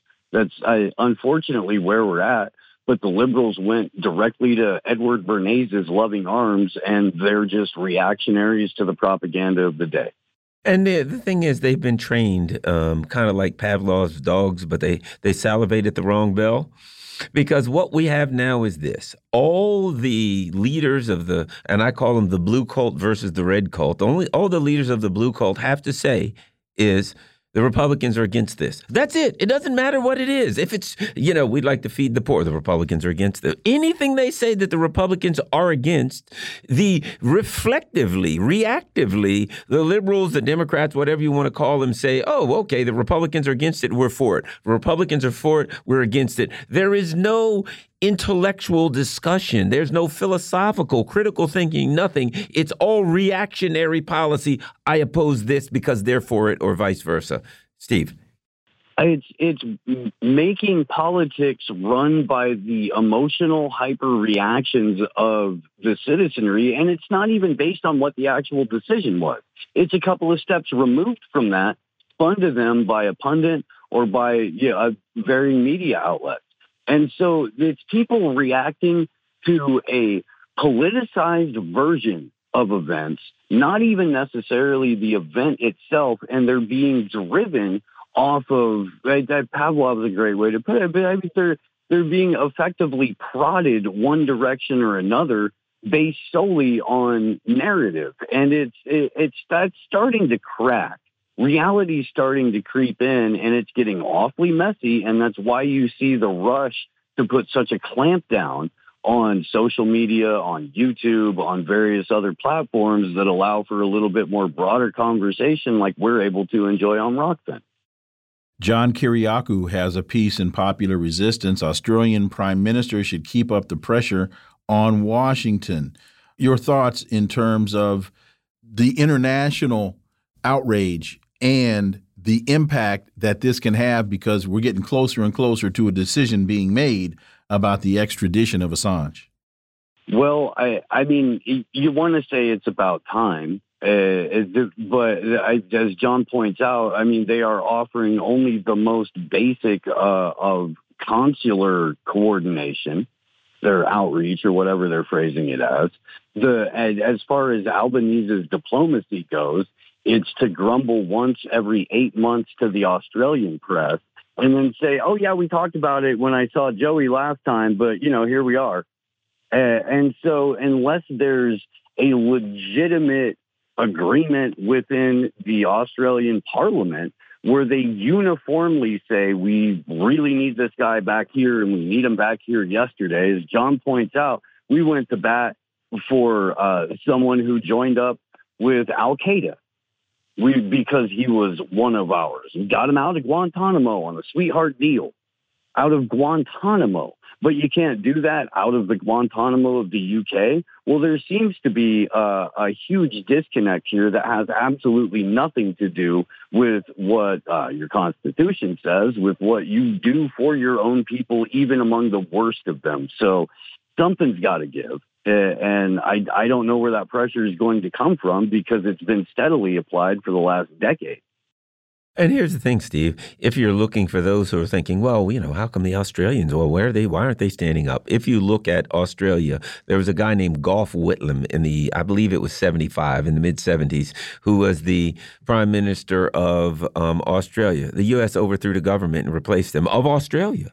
If you look at what's happening in Europe right now, the leaders of Europe, the Quisling traders who are running or, or running European countries, are destroying the economy of the working class. They're demilitarizing, they're deindustrializing, they're doing anything they are told, no matter how detrimental it is to their population. They're just, I mean, if the U.S. empire says go over there and and um, slam your head against the tree, then uh, everyone from Rishi Sunak to um, uh, you know Emmanuel Olaf Macron, Scholz. yeah, Olaf Scholz will be they'll be fighting as to who can get to the tree first. So the idea that any of these vassals are going to stand up for Assange or anyone, you know, you will excuse me if I am am not, uh, you know, you know, overly thrilled in believing that they're going to move in the right direction. I I agree, and unfortunately, what's even worse is that the and I'm not I'm not a lawyer, and I'm not a part of Julian Assange's legal team. So is only from an observational standpoint, and it's criticism based on what appears to be uh, lack of willingness to genuinely fight. We there's it, I don't know what the UK legal process is. Maybe the end goal is to try to make it take as long as possible so that you can fit all of the information in at once right at the end. But we just had an issuance from the magistrate in this case saying when you submit an appeal, I want it three pages or less. It's a Herman Cain, you know, policy position, no more than, you know, seven words per page. And this is how you're going to appeal. So the entire process has been set up to guarantee that if nothing else, uh, Julian Assange is off the playing field for the rest of his days, regardless of whether or not the Australian government lifts a finger, which as a vassal nation, they probably won't unless they want to get one broken.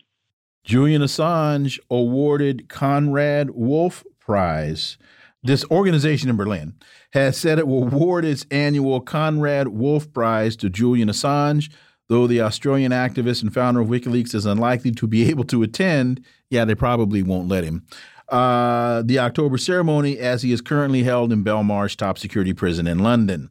This is the kind of international recognition that I think is important. But to your point about Australia, it, it's it's coming way late.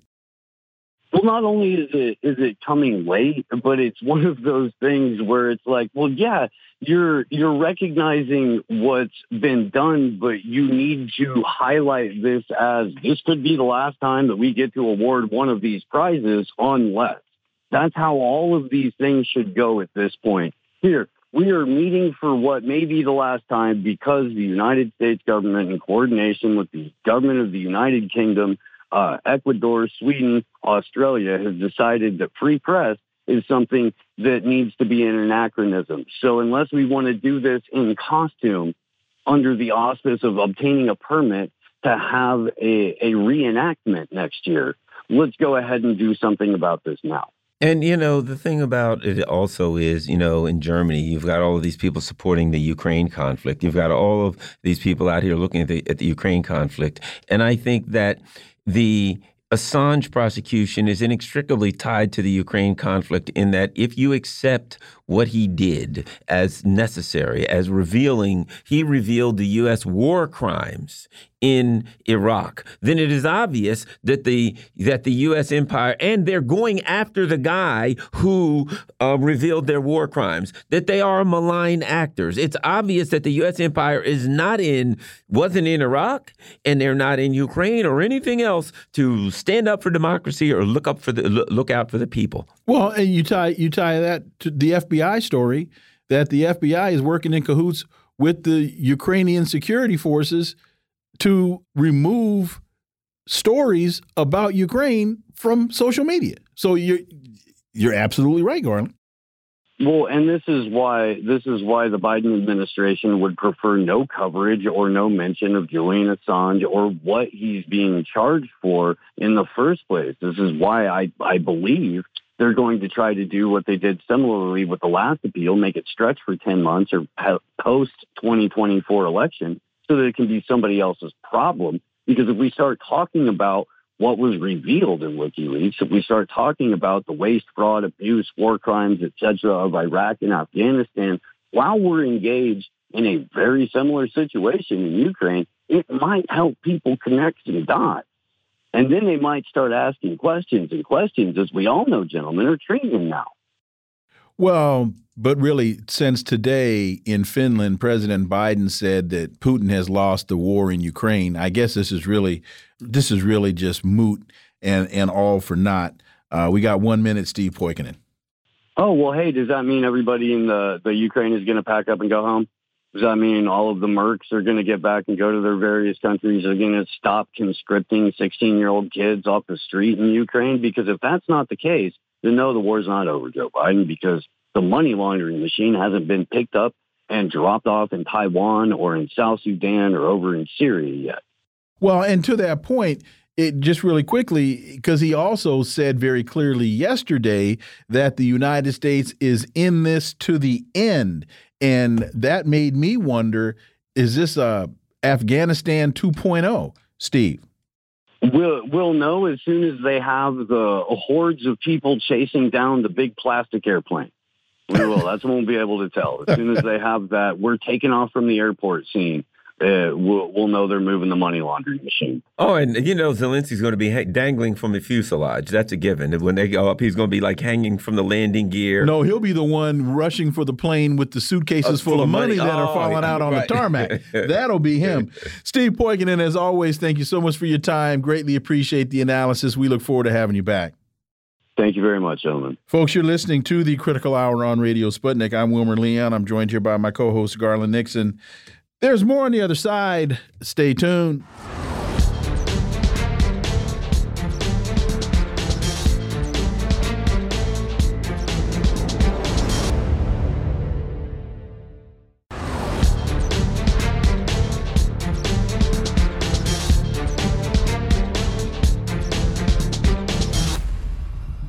We are back, and you're listening to the Critical Hour on Radio Sputnik. I'm Wilmer Leon, joined here by my co host, Garland Nixon. Thank you, Wilmer.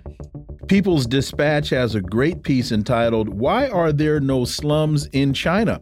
Walking through China's cities, you will quickly notice the absence of large slums or pervasive homelessness common to the rest of the world. For insight into this, we turn to our next guest. He's an independent journalist, political analyst, reporter for RT, and author, Caleb Maupin. As always, Caleb, welcome back.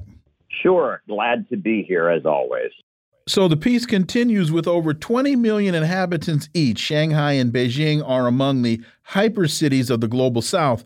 Walking through the streets in China cities, you will, however, quickly notice one marked difference between those hypercities and others, the absence of large slums or pervasive homelessness that is so common to the rest of the world. Slums were not uncommon in Chinese cities a few decades ago, from the precarious working class districts of the 1930s, Shanghai, to the shanty towns of British occupied Hong Kong in the 50s.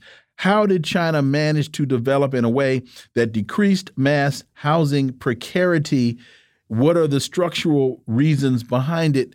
Caleb Maupin. Well, you know, this is interesting because you can go back thousands of years with this. Uh, you know, when Cleopatra and some of these ancient kings would visit Rome, uh, they would walk around in this city that was the capital of the modern world. I mean, you know, at that point, Rome ruled the entire known world. And they would see all these homeless people, and they'd be like, "This doesn't make any sense to me." Uh, they would be like, "How can there be all these people walking around the streets of Rome begging?" Well, the reason was that in Rome, the majority of the population were slaves, and slaves generally have a place to stay. Uh, and you had the landowning class. Uh, but in Rome, you had the beginning of what was called the proletariat. Now, those who are not slaves but also don't own any property. Uh, the word proletarian literally means those who have offspring, uh, those who have children, because they don't have anything other than their children. One translation is men of no property. And the first time you had homelessness in the world uh, was in Rome, where you know if a proletarian, uh, if they they aren't finding any work, a working class person, a pipe fitter or a bricklayer, many of these uh, you know these Jews from Palestine or Greeks that had moved to the capital city of Rome, they weren't slaves, but they also were not landowners. And if they couldn't find work, uh, they lost uh, their ability to pay their rent. They starved out on the street. Um, and it's interesting because then you flash forward to the 1800s uh, when Chief Sitting Bull uh, of the uh, of the you know the Sioux tribe when he visited Washington D.C. to sign a treaty, he said the same thing. He said this doesn't make any sense. You know, you all are so modern, you have all your modern technology, but I'm walking through the capital the capital of the United States of America and I'm seeing homeless people. Well, homelessness is a result of the precariousness of the market. Uh, it's the result of the fact that in the capitalist system, you have what's called a reserve army of labor. You have people that are unemployed. Uh, and when people are unemployed, they can't pay their rent, they can't support themselves, and so they're out on the street. Um, you know, and a lot of people will say, well, that's not true anymore, Caleb. Homelessness is just an issue of mental illness. Well, first of all, there's a chicken or the egg question because living on the street, the, the stress of it, uh, the, the, that it creates uh, on, on a person, uh, is not conducive to their mental health. So that's one thing you have to keep in mind. Uh, and the second thing you have to keep in mind uh, is that, you know, this was a conversation I had with somebody who lived in the former Soviet Union. And I said there were no homeless people in the Soviet Union. And he said, oh, yeah. We said, well, that's just because the, the government, you know, put them all in mental hospitals.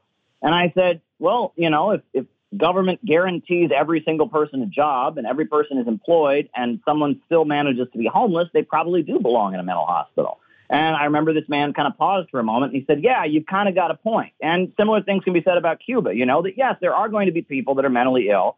Uh, you know, even if you do have, you know, state guaranteed employment, if you do have central planning of the economy, um, but those folks need treatment, uh, and they need, you know, they they obviously can't meet their basic needs, and they need, you know, they need to be uh, taken care of. And you're always going to have that in society to some degree or other too. You're going to have people that are disabled or, or mentally ill, and they they they shouldn't be out on the street starving, and they shouldn't be locked up and criminalized for that either. So that's my take on this issue. China, with its centrally planned economy, where Xi Jinping has said that housing is for living in, not for speculation. And he has done a lot to control the big real estate development corporations that have come into existence in China since the 1980s. There's been a heavy amount of state control. They make sure they don't have issues like slum housing. Uh, I, I know for a fact, even though it's not like codified into law, that, that the Chinese Communist Party goes out of its way to make sure that particularly elderly people have housing no matter what, and that there's a lot, a large percentage of elderly folks in Chinese cities who get free housing.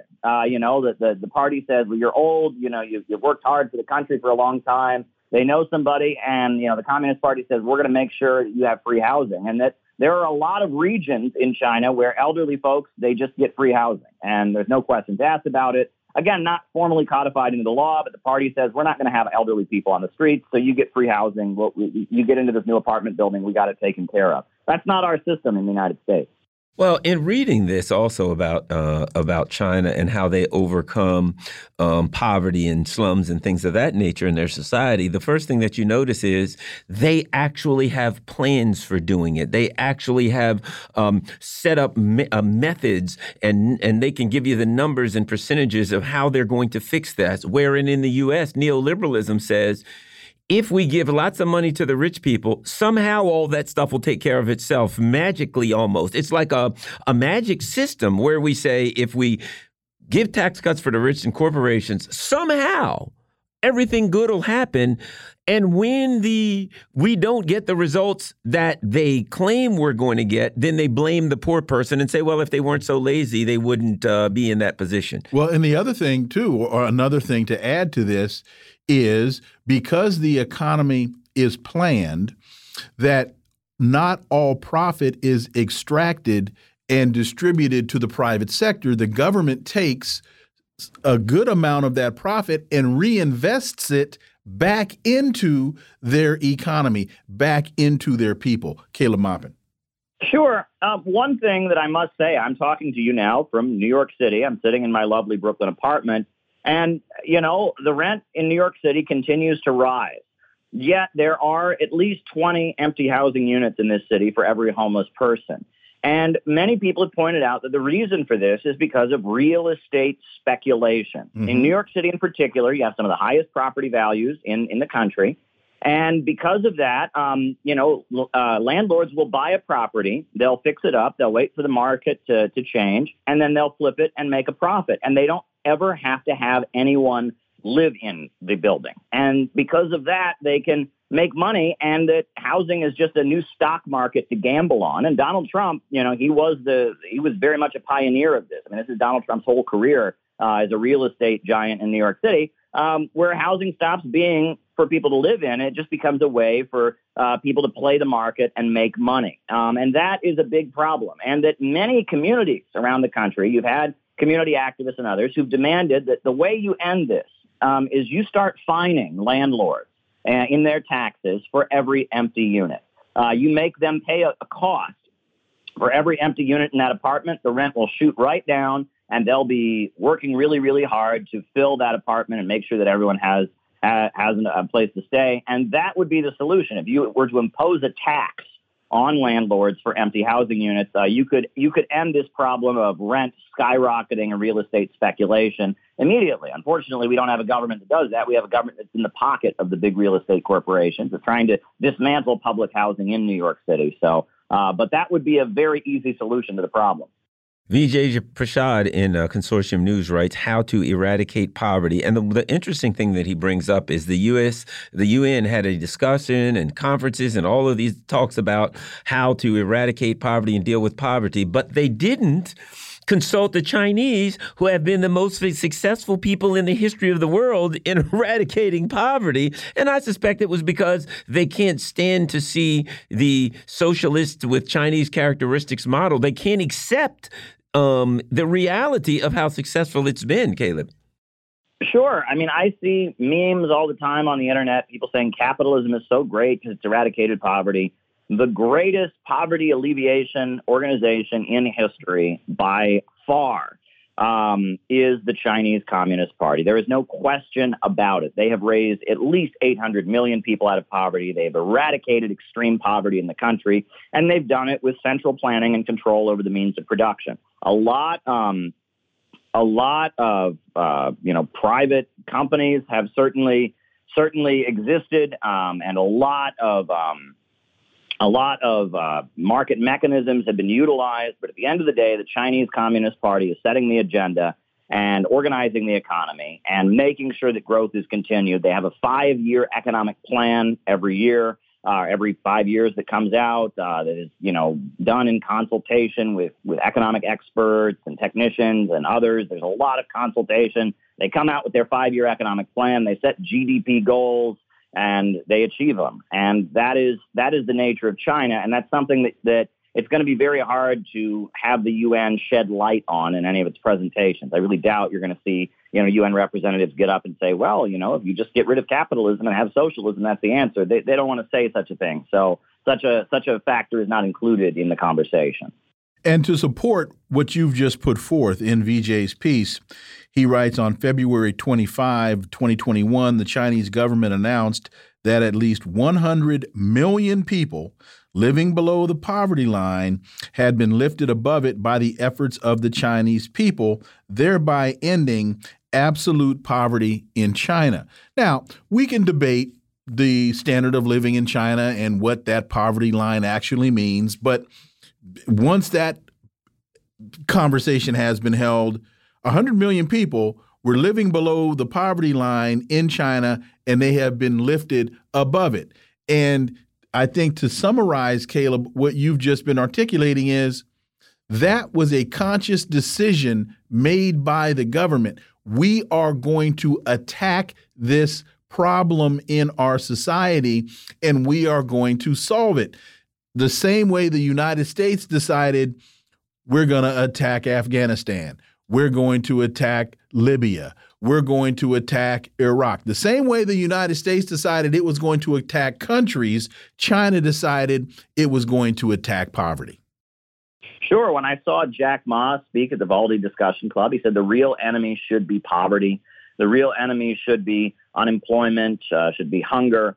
And that, you know, when we talk about extreme poverty, you know, we're talking about people who didn't have running water. We're talking about people who didn't have electricity in their homes. We're talking about people who did not have literacy and access to basic education. And the Chinese Communist Party has dedicated itself to fighting that, not just within its own borders, but around the world. And they have an astronomical record of achieving that. Um, and they also understand that socialism is not redistribution of poverty. And that's a myth that we constantly hear in the United States. This idea that socialism means everyone everyone gets paid the same or everyone everyone is equal. Uh, and that's not that's not what socialism is.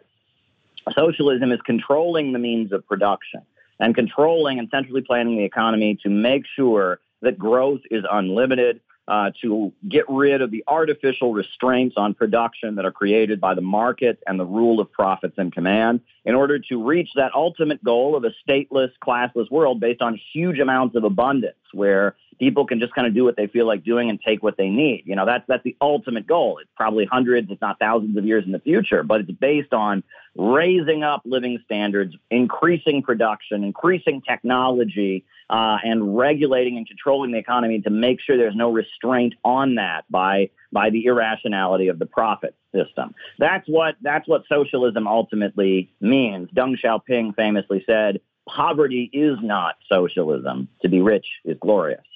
July 19th, Nicaraguans celebrated the 44th anniversary of the Sandinista Revolution. We got about a minute and a half, Caleb. Well, I've been to Nicaragua. I've seen with my own eyes the great achievements that they have had for their population, wiping out illiteracy, electrifying 95% of the country, bringing electrification even into the most remote, uh, uh, remote mountainous regions. Uh, I mean, land redistribution. And I mean, the successes of socialism in Nicaragua in terms of actual economic results are undisputable. And, and that is the strength of the Sandinistas. That's why they're still in power. Caleb Maupin, as always, thank you so much for your time. Greatly, greatly appreciate that analysis, and we look forward to having you back. Always a pleasure. Thank you very much. Folks, you've been listening to the Critical Hour here on Radio Sputnik. Thank you for allowing our voices into your space on behalf of myself and my co host, Garland Nixon. We hope you were informed and enlightened, and we look forward to talking with you all right here tomorrow on Radio Sputnik. Be safe. Peace and blessings. We're out.